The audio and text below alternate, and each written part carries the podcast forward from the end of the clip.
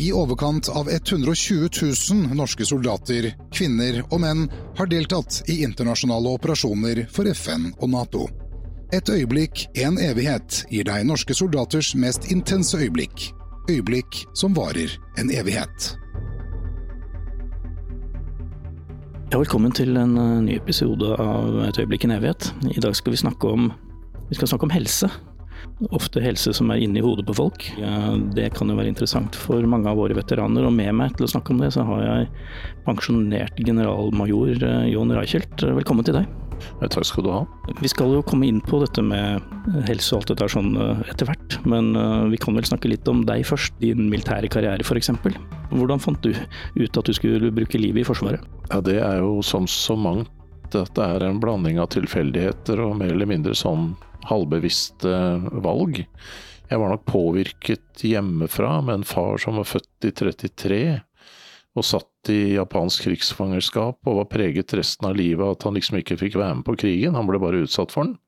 Så han var en entusiastisk offiser, han var lege og reserveoffiser og elsket Forsvaret og brant nok etter og dure av gårde og gjøre ting, men uh, mutter'n holdt den vel hjemme. Og så ble jeg påvirket av han gjennom oppveksten, så når jeg fylte 18, begynte tidlig på skolen, så eh, hadde jeg fått det for meg at eh, jeg måtte finne på et eller annet etter videregående. Eller gymnas, som det het på den tida. Så jeg eh, søkte befalsskolen, for da tenkte jeg at da kom jeg ut i Forsvaret, og så var det en slags litt halvdaff plan om at da fikk jeg i hvert fall gjennomført verneplikten. For jeg tippet at jeg kom til å dette ut av dette befalsskoleopptaket, for det hadde jeg hørt var grusomt hardt. Og forberedte meg nok ikke all verdens, men jeg ble jo veldig sånn, hva skal vi si, eh, motivert til innsats eller grepet av stahet, så jeg ga meg ikke, og så ble det befalsskole og plikttjeneste. Og det var spennende og morsomt, så jeg var nok på nippet til å fortsette. Jeg ble liksom litt tent på dette og bevarte en vedvarende godhet for både soldater og Forsvaret etterpå, men dro av gårde på andre ting. Og så ble jeg vel lokket inn igjen nærmest i 98-99 av folk jeg kjente fra den gang da, og som var nysgjerrig på hva jeg hadde lært meg. Jeg har blitt lege og psykiater og jobba noen år i, med psykisk helse. Eh, og så dura jeg liksom litt baklengs inn i Forsvaret igjen, via Forsvarets spesialkommando, seleksjon og de greiene der. Og så plutselig så var jeg tilbake som offiser og lege. Og det ble på en måte min bane, for da kom i 2001 så kom jo 11.9. og det greiene der, og det visste jeg jo gudskjelov ikke noe om på forhånd, men plutselig så var det sånn. Og så ble Forsvaret ble, sett fra min side, da, mer spennende og alvorlig med Intops, og den vekten som plutselig var på det, og det at avdelinger og folk skulle forberede seg på krigen, det ble såpass spennende at da blei jeg. Og sånn, sånn, ble det, og nå er jeg pensjonist. Du endte jo opp som sjef for Saniteten.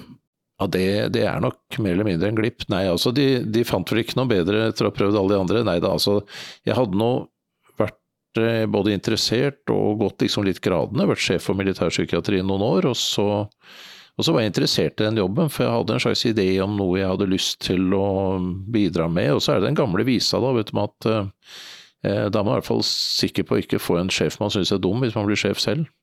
Men eh, du rundet av karrieren din eh, som sjef for ja. saniteten. Altså, saniteten. For, for, meg så betyr saniteten at uh, dere skal lappe sammen eller fikse folk så de blir stridsdyktige igjen. Du skal ikke gjøre folk friske, egentlig. Nei, det er helt riktig. Det er en eh, god forståelse. Eh, I krigstid så blir det veldig, veldig tydelig. Da redder du liv og lemmer, og så lar du folk, eh, de som er for syke til å delta liksom i striden videre, de blir evakuert videre, og så blir de helsevesenets problem. Det er liksom den gamle, gode modellen. Og så er det da sånn at spesielt i Norge så, så var jo liksom dette med samfunn og forsvar veldig knytta sammen og totalforsvar som gjaldt, det vi gjenopplever nå. Og så blir det en balansegang da, hva man skal gjøre internt i Forsvaret. Så har man nok følt en viss sånn godhet, spesielt for vernepliktige. Man har tenkt at de trenger noe mer, siden de må være her. Liksom, han har ikke hatt så sans for profesjonelle soldater, men med vernepliktige har man liksom brydd seg litt om. Så har man liksom utstyrt dem med en militær lege som prøver å plastre litt føtter og trøste folk litt, og man har hatt, uh, man har hatt tannleger som kikker litt på tennene, og man har hatt psykologer som gjerne eh, Når jeg begynte, så var mye av oppgaven å prøve å få vernepliktige til å gjennomføre førstegangstjenesten sin. Det var det vi stort sett drev med. Og så kom Intop snikende, og da ble plutselig alvoret stort, og så ble vi jo, som du er opptatt av, så ble vi plutselig minnet om at det fantes folk som hadde vært inne til oss før også, kalte seg veteraner, og de var ikke fornøyde alle sammen, så det er jo en spennende utvikling, men du har helt rett. Sanitet skal redde liv og lemmer. Ja, du kom inn på akkurat det vi, skal snakke litt om i dag, dette med veteraner og de som hadde Intops tidligere. Ikke kontra, men i forskjell fra de som uh, har tjenestegjort de siste årene. Det er jo litt sånn at de som reiste ut uh, f.eks. til de første kontingentene i Libanon, der, der, var det ikke veldig mye screening på forhånd. Det, det begrepet fantes vel egentlig ikke. Hadde du skrevet kontrakt, så dro du. Og oppfølgingen etterpå var jo i beste fall liten. Og så har det utviklet seg flere problemer, det har dukket opp tilfeller. Vi, vi får jo nyhetene eh, rett som det er selv i dag, med folk som sliter med ettervirkninger fra den tiden. Ja. Hva tenker du om det som var med på den nye modellen, hvor man uh, tok det her litt mer på alvor, dette med robusthet og psykiske uh, forberedelser? Det ble et uh, hamskifte for å si det sånn, med blanding av ting. Både det at man erkjente at man hadde hatt folk ute i Intops, og at, og at det faktisk kunne være ganske belastende. Interessant nok altså, så var professor Lars Weiseth en av de første i verden som interesserte seg for at det å være FN-tjeneste kunne være et problem. Han beskrev det som nettopp utfordringen med å stå og være vitne til, men ikke kunne gripe inn. Og det er jo helt riktig, det er en ufattelig vanskelig situasjon. Og det er tilbake til 80-tallet. Så det var liksom en viss fokus på det. Men jeg tror både denne ideen om at det var forsvaret av Norge som gjaldt, det var veikryssene på Setermoen hvor militær virksomhet foregikk. Det var ikke i utlandet. og Det ble sett på som en litt sånn biting, noe man kunne liksom slenge seg med på, eh, tjene litt penger. Jeg tror det faktisk gikk såpass langt at man av og til også hadde en viss sånn, skal vi si, en type kall det litt misforstått godhet, da, at hvis det var folk som hadde vært i Forsvaret, gjort førstegangstjeneste eller hadde befalsskole, som hadde litt trøbbel, kanskje økonomisk eller ekteskapelig, og sånn, så, så strakte man ut en hånd, og så fikk de seg et halvår i inntops. Hvis den trøbbelet innebar at du f.eks. drakk litt mye før du dro inntops, så stoppa du gjerne ikke med det nede i Sør-Libanon. Så, så det, det, var mange ting, men en litt sånn klumsete, si, litt naiv håndtering, på en måte, basert på at Intops var ikke hovedgreia, det var det liksom eh, Nord-Norge som var. Og dette levde vi med helt til det ble en, en veldig annerledes erkjennelse i og med at uh, finnen forsvant, at vi derfor kunne eh, konsentrere oss om noe annet. og Derfor så dukket Intops og interessen for veteranene opp, tror jeg. Og så var det denne gjengen da, som plutselig dukket opp og krevde sin rett på et vis. Sa at søren klype, norske samfunn har brukt oss, og her sitter vi igjen med liksom en pris. Og da, da toucha de plutselig borti noe som var veldig veldig alvorlig, dette her med at um, de sa at helsevesenet ikke hadde hjulpet dem, de hadde ikke fått liksom, det de syntes de fortjente. Og det setter fingeren på mange ting, både hvordan helsevesenet fungerer, og om noen fortjener noe mer enn andre. Og du refererer til uh, bl.a. organisasjonen SIOPS, som, uh, som, kom på banen uh, på slutten av 90-tallet og jobbet seg fram mot, mot det de er i dag, som er en er en velfungerende organisasjon for de som har behov for, eh, for støtte innenfor det psykiske. Tenker du, som har vært eh, med på dette lenge, at er dette Forsvarets jobb å følge opp, eller eh, skal man følge doktrinen med å si at dere får hjelp et år, og så er det vær så god Nav? Ja, Det har jeg lurt mye på, og jeg må innrømme at synspunktet mitt har skifta litt i takt med hva skal vi si, de menneskene jeg har møtt og den oppmerksomheten de har fått. fordi på den ene side så har jeg sans for det, at Forsvaret, eller samfunnet, bør eh, gi noe tilbake og yte litt ekstra for de som har ytt noe for samfunnet. Samtidig er det mange som har ytt noe for samfunnet. Det finnes hauger av gamle politifolk og sykepleiere der ute som har slitt seg ut, eh, og kanskje opplevd forferdelige ting også. Så, så det er liksom den ene siden av det. Og samtidig så, så har det på en eller annen grusom måte også satt fingeren på at mye, spesielt når det gjelder psykisk helse, så er det mye behandling som er for dårlig kvaliteten er for dårlig, og det gjelder jo alle som skal i kontakt med dette. Og samtidig så er det en, en pris å betale hvis man liksom ender opp med type særomsorg. Da kan på en måte resten av samfunnet trekke skuldrene og si at nei, han der skal, han skal få sitt liksom et annet sted. Litt sånn de har det i USA med Veterans Administration, hvor, hvor veteranene skal få sitt der. Og får de ikke det, så er det veteranens problem. Så det, det, er liksom, det er flersidig dette her. Eh, men jeg er aller mest opptatt av at folk skal få få eh, altså, godt begrunnet og effektiv hjelp. Og da er det to parter. Det ene er hjelpeapparatet, og så er det faktisk den som skal ha hjelp, som må både søke hjelp og, og prøve å hva skal vi si, nyttiggjøre seg den hjelpen de får. og Det er også en side ved en del av veteranene som, som jeg av og til har lurt litt på. altså. Ja, At de på en måte vil, vil bare bli kurert uten å jobbe for det, er det du sier? Ja, så er det, det er jo godt voksne menn dette her, da, vet du. Og menn, det er jo skrevet bøker om hvor dårlige menn er til å få hjelp.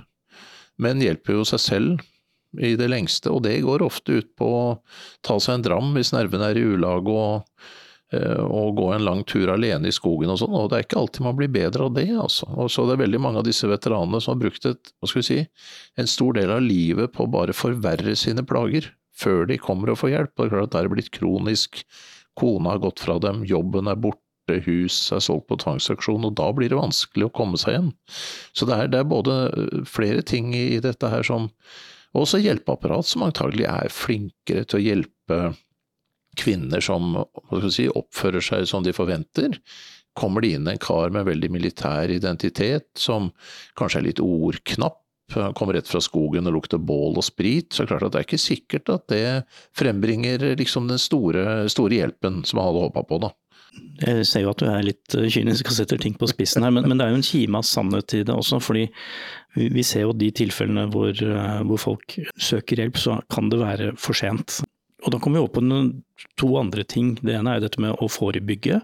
Og det andre er jo det med eh, tilstrekkeligheten til den hjelpen når den først trengs å gis. Men, men skal vi ta forebygging først? Ja, ja. Vi begynner på begynnelsen, liksom. Ja, det er veldig fornuftig. Og det er en det er en veldig viktig greie. Altså Hvis man kan forebygge psykiske plager, så er det uendelig mye bedre enn å løpe etter folk og prøve å hjelpe dem. Og det går både på den militære delen, altså du bør bli best mulig forberedt på å gjøre jobben din. Det er en stor fordel å vinne slaget, for å si det litt, eh, litt igjen litt karikert, altså.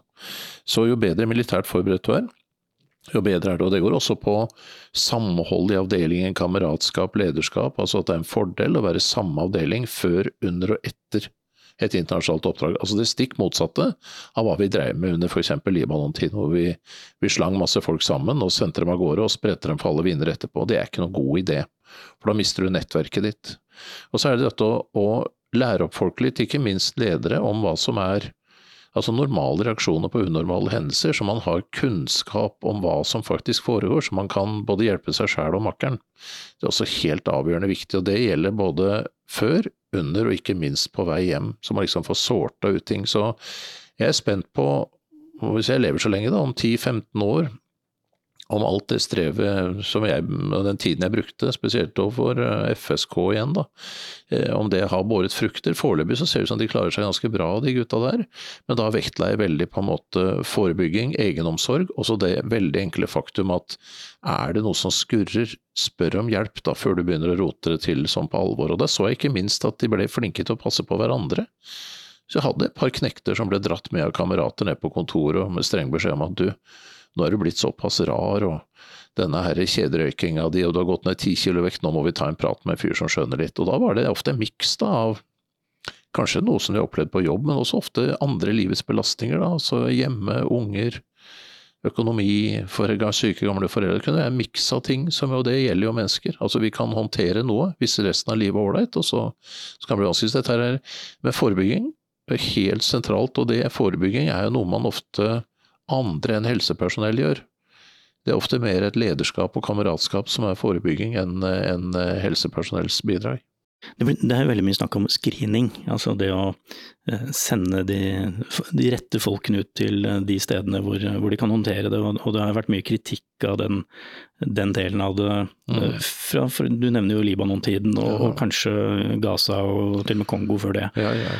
Men hvor viktig er den screeningen egentlig? Ja, det kan du si. Jeg har i perioder vært opptatt av screening, andre perioder mista trua. og det er, altså Screening funker jo hvis folk både er ærlige, og hvis de selv skjønner hvordan de har det. Begge deler er ikke alltid så enkelt.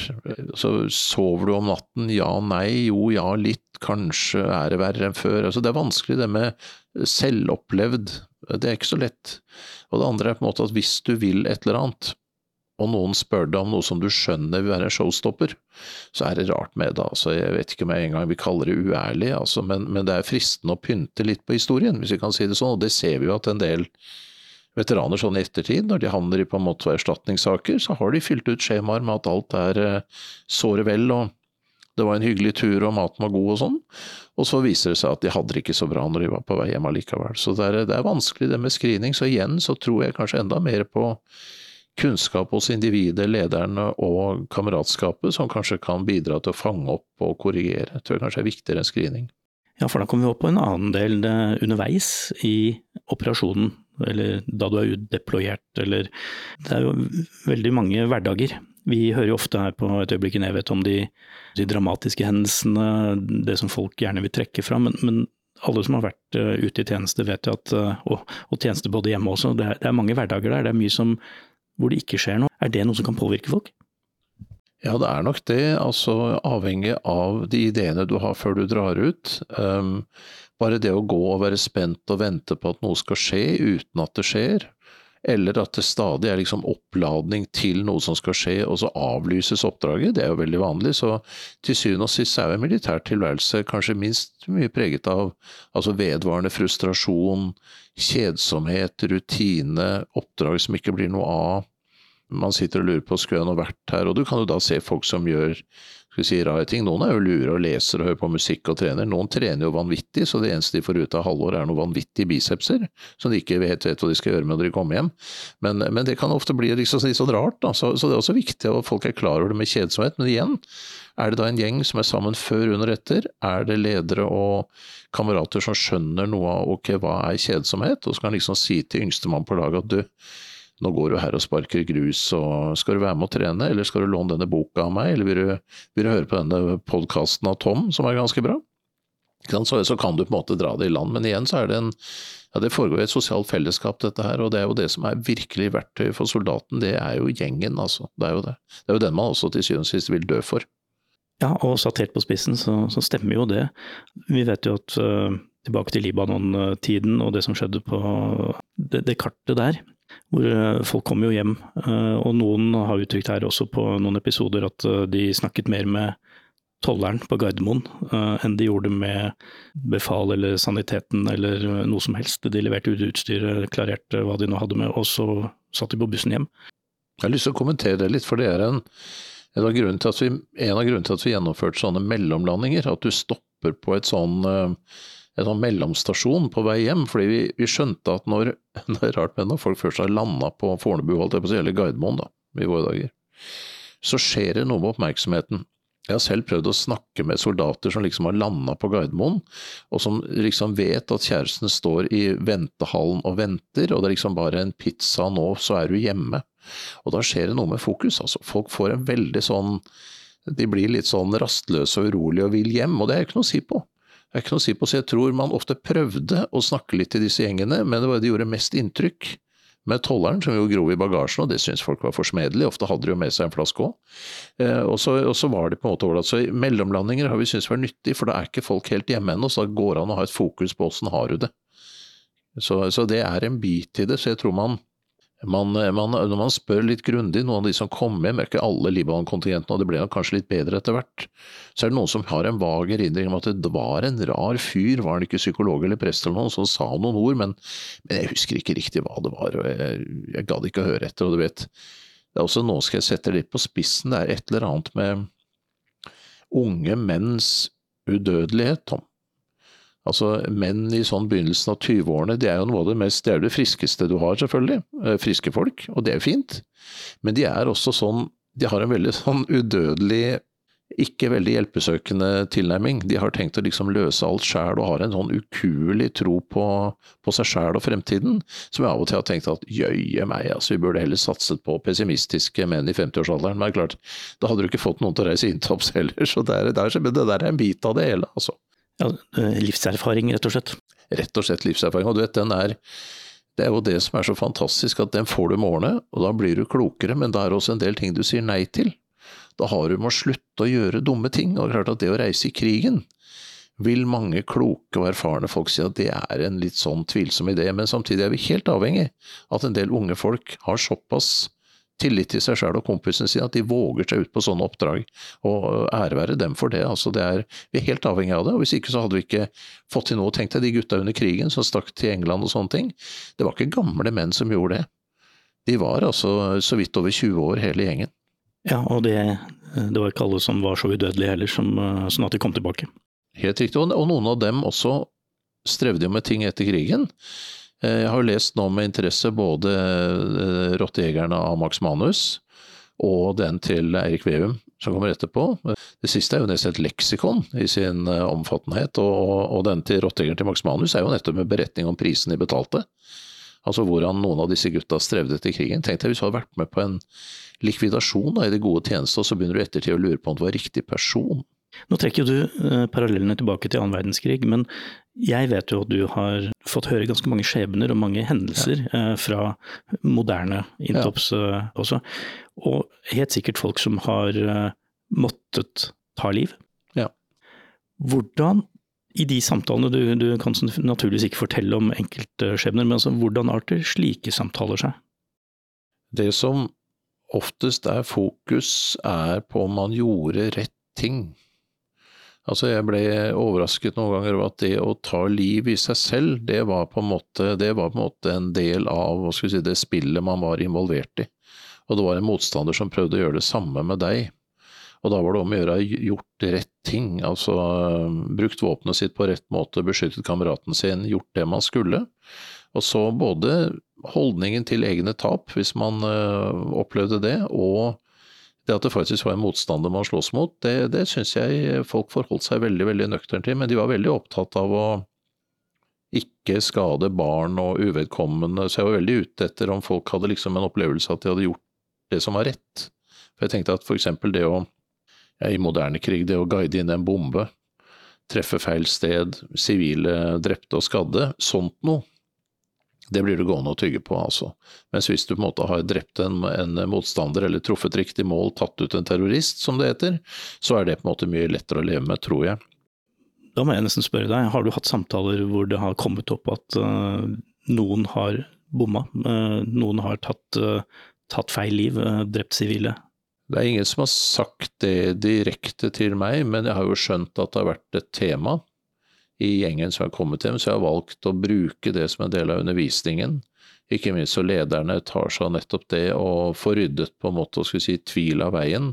Og så er, det, så er det det helt sentrale i sånne begivenheter er å Altså det som kan være skal vi si, trøsten, eller det som kan rette det opp da, hvis du har gjort noe sånt, er at eh, du gjorde ikke det med vilje. Altså Jeg har pratet med militære ledere som har følt på ansvaret fordi det har gått gærent. Eh, og de har ofte sittet igjen med en sånn følelse av at jeg skulle forutsett, jeg skulle ikke gjort sånn.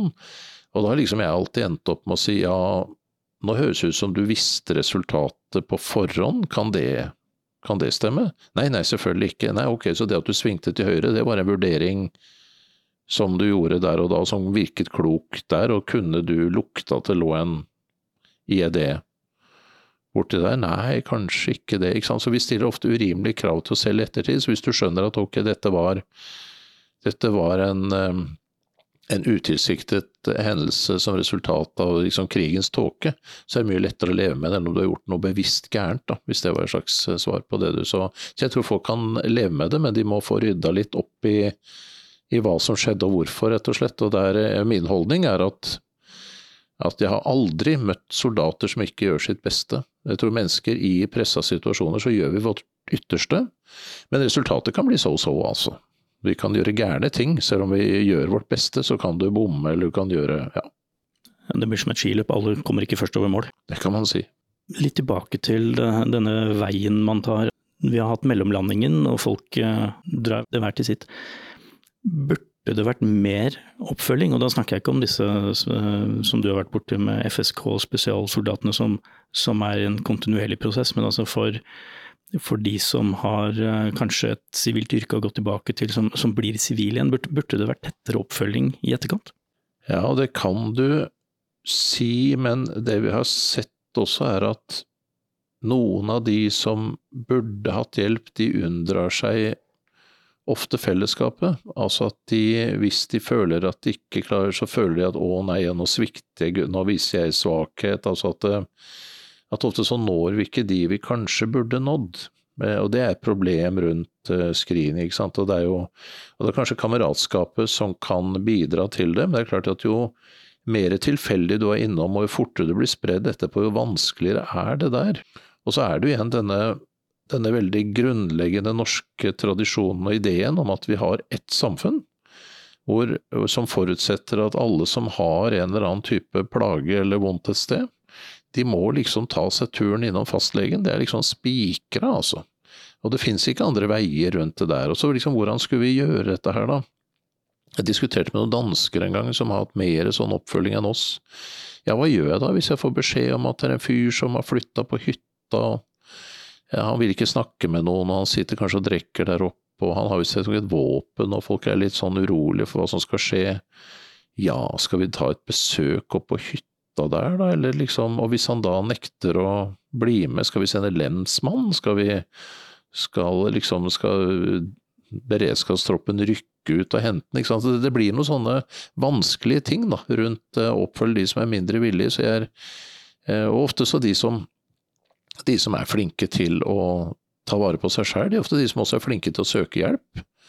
Og, så, som vi har vært inne på, jo lenger tida går og jo mindre hjelp du har fått og jo vanskeligere det er blitt, jo verre er det jo. Så, eh, så, det er en kombinasjon av mange ting. Så jeg tror, vi, tror det er en balanse å finne i dette, at vi må ha en type Vi må minne veteranene på liksom at de er veteraner, holdt jeg på å si, og at livet kan gå også dem imot, eller de kan ha plager som de oversetter, eller et eller annet. og så og så må vi prøve å ha et hjelpetilbud, og da er nok et med årene blitt enda mer opptatt av at det det helsevesenet faktisk skal ha, at det står ting igjen å ønske der når det gjelder det helsevesenets eh, skal vi si, evne og vilje til å, til å hjelpe alle.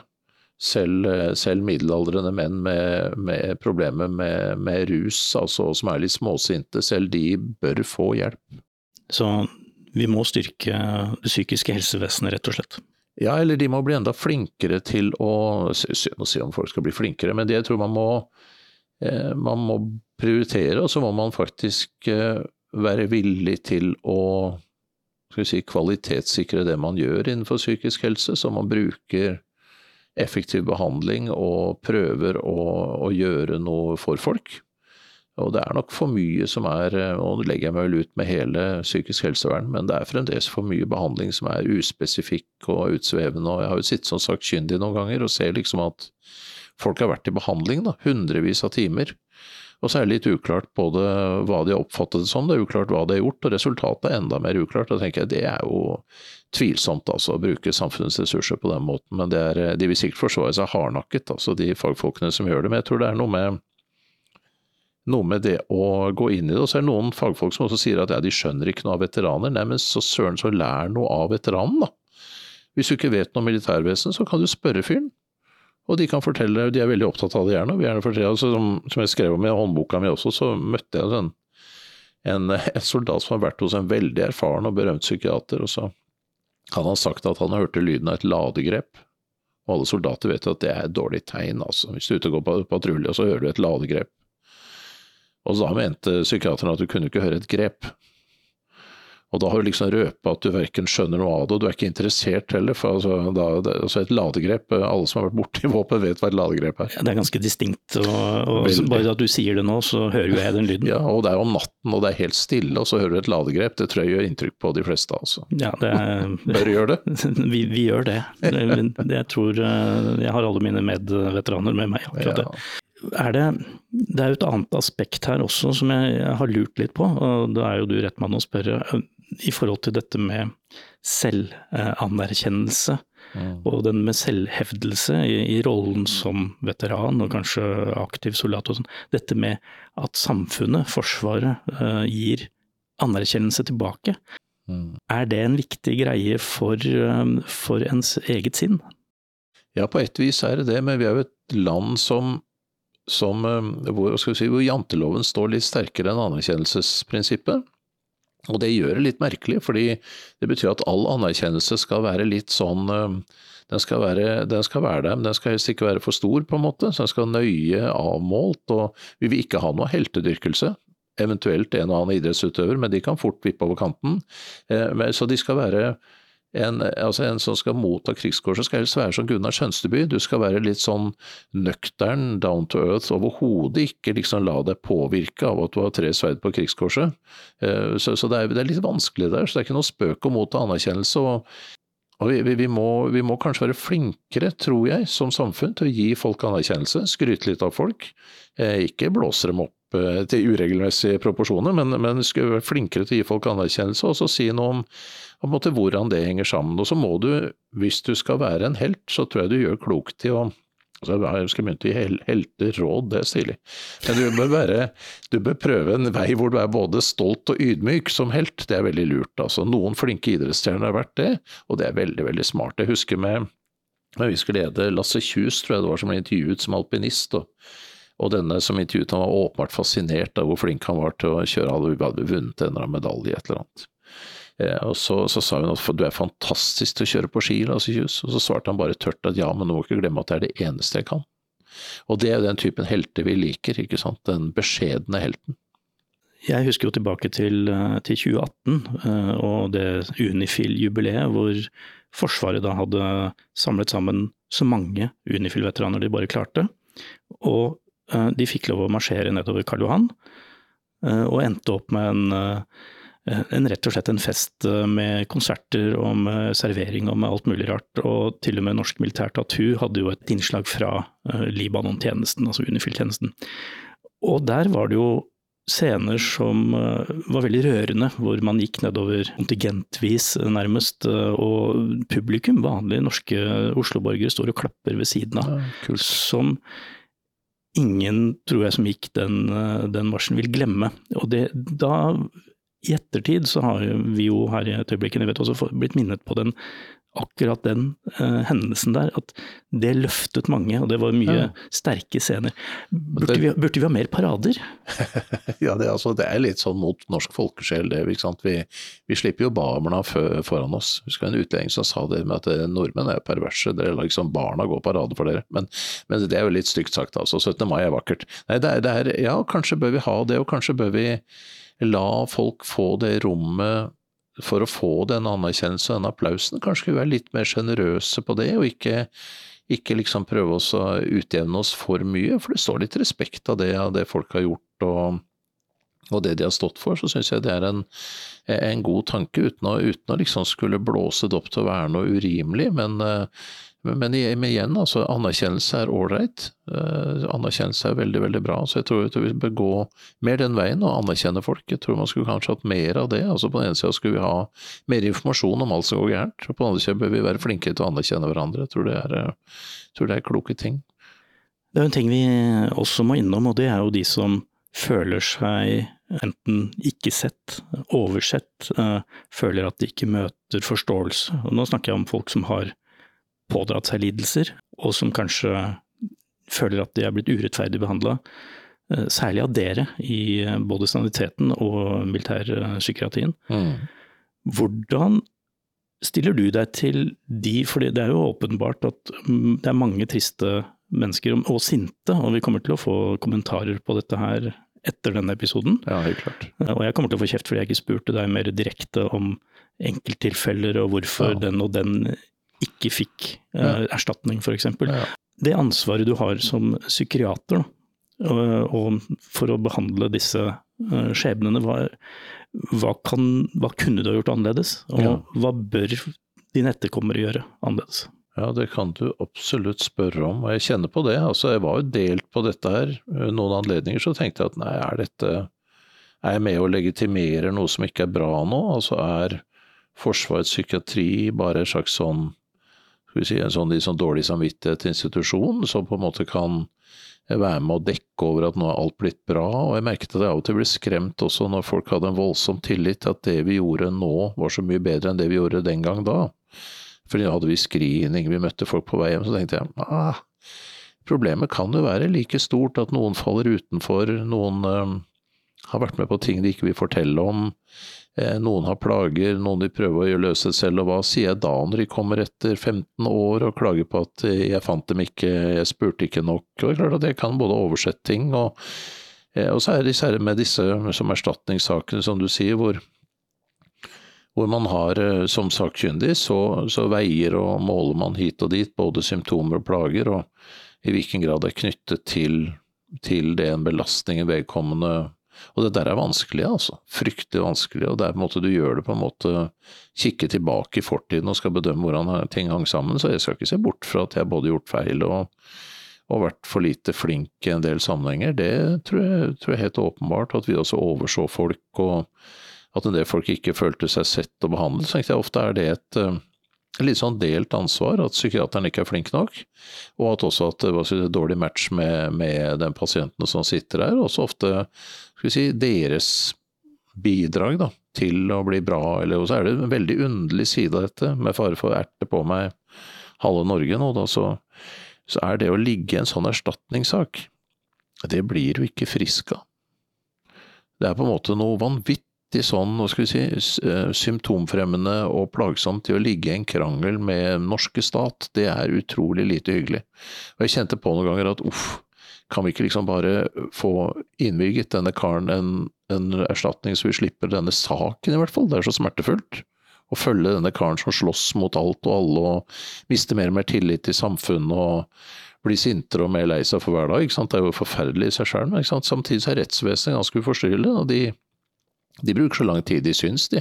Forsikringsselskaper og rettsvesen de lar seg ikke, lar seg ikke forstyrre. Altså, de bruker år hvis de syns det er passe.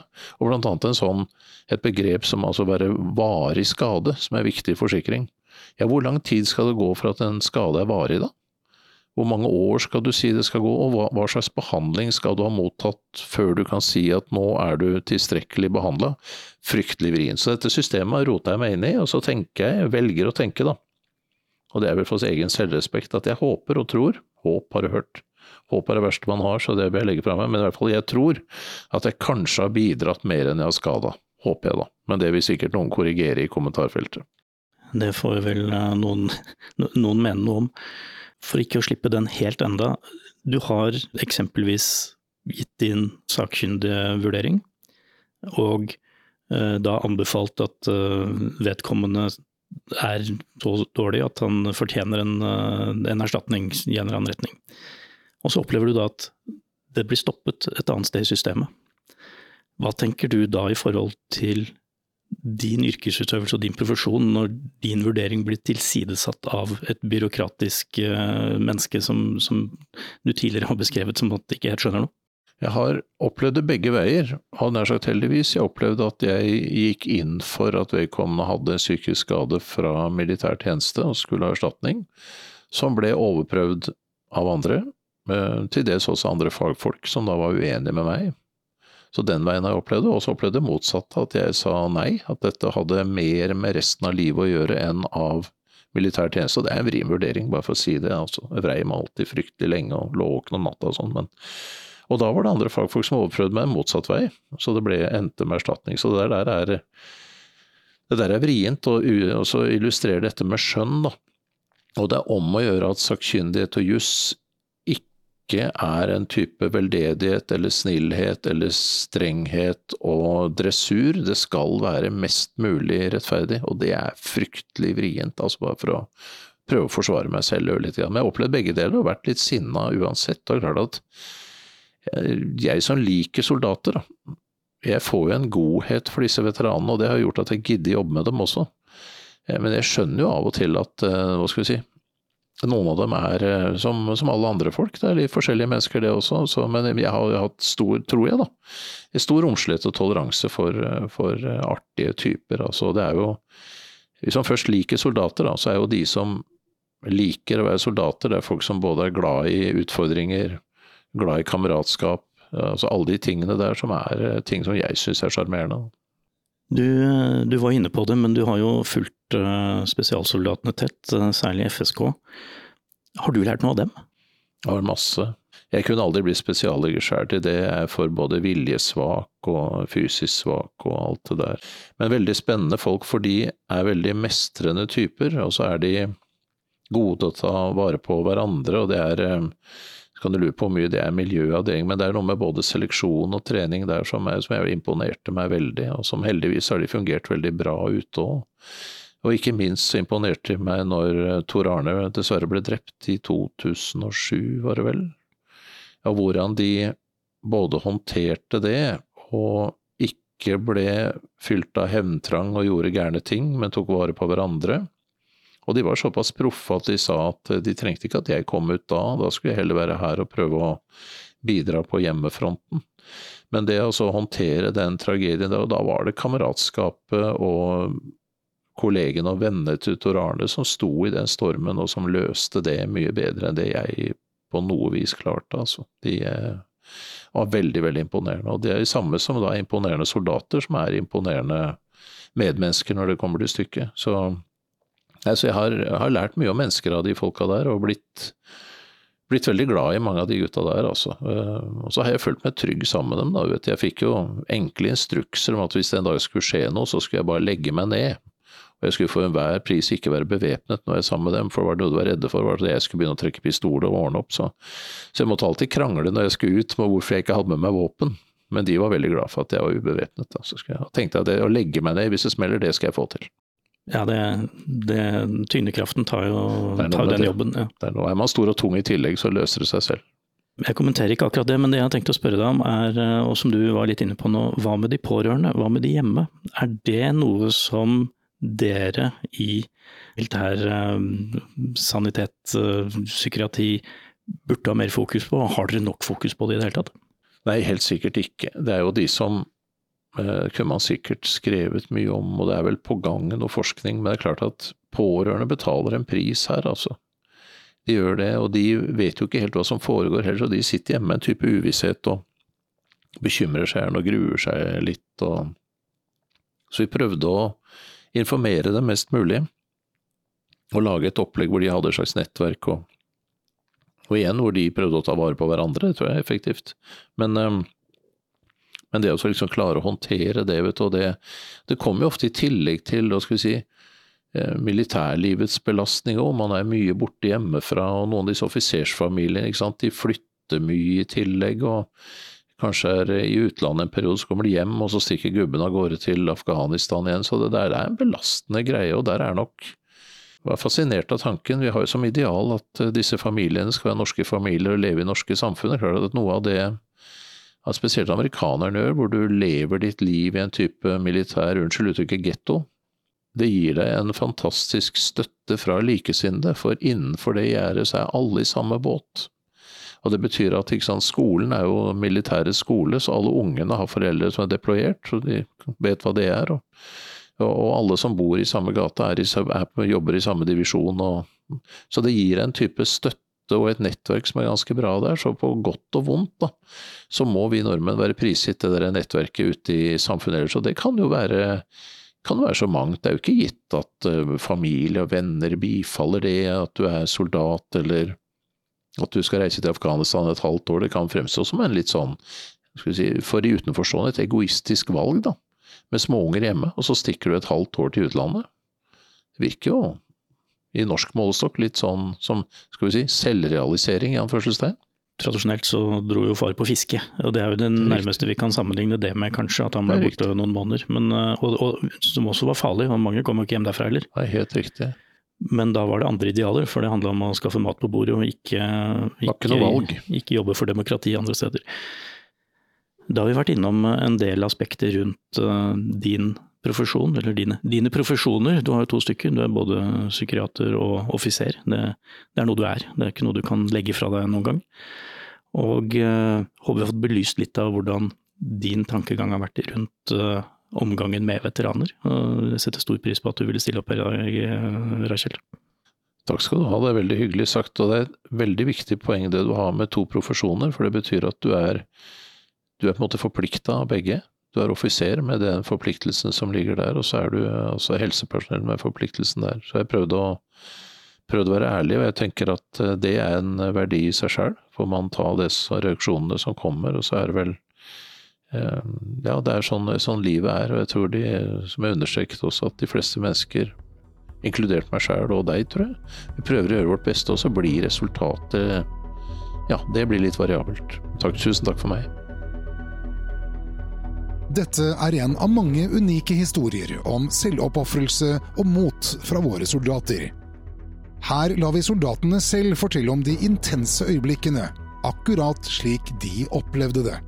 Historier som rett og slett er blitt et øyeblikk, en evighet.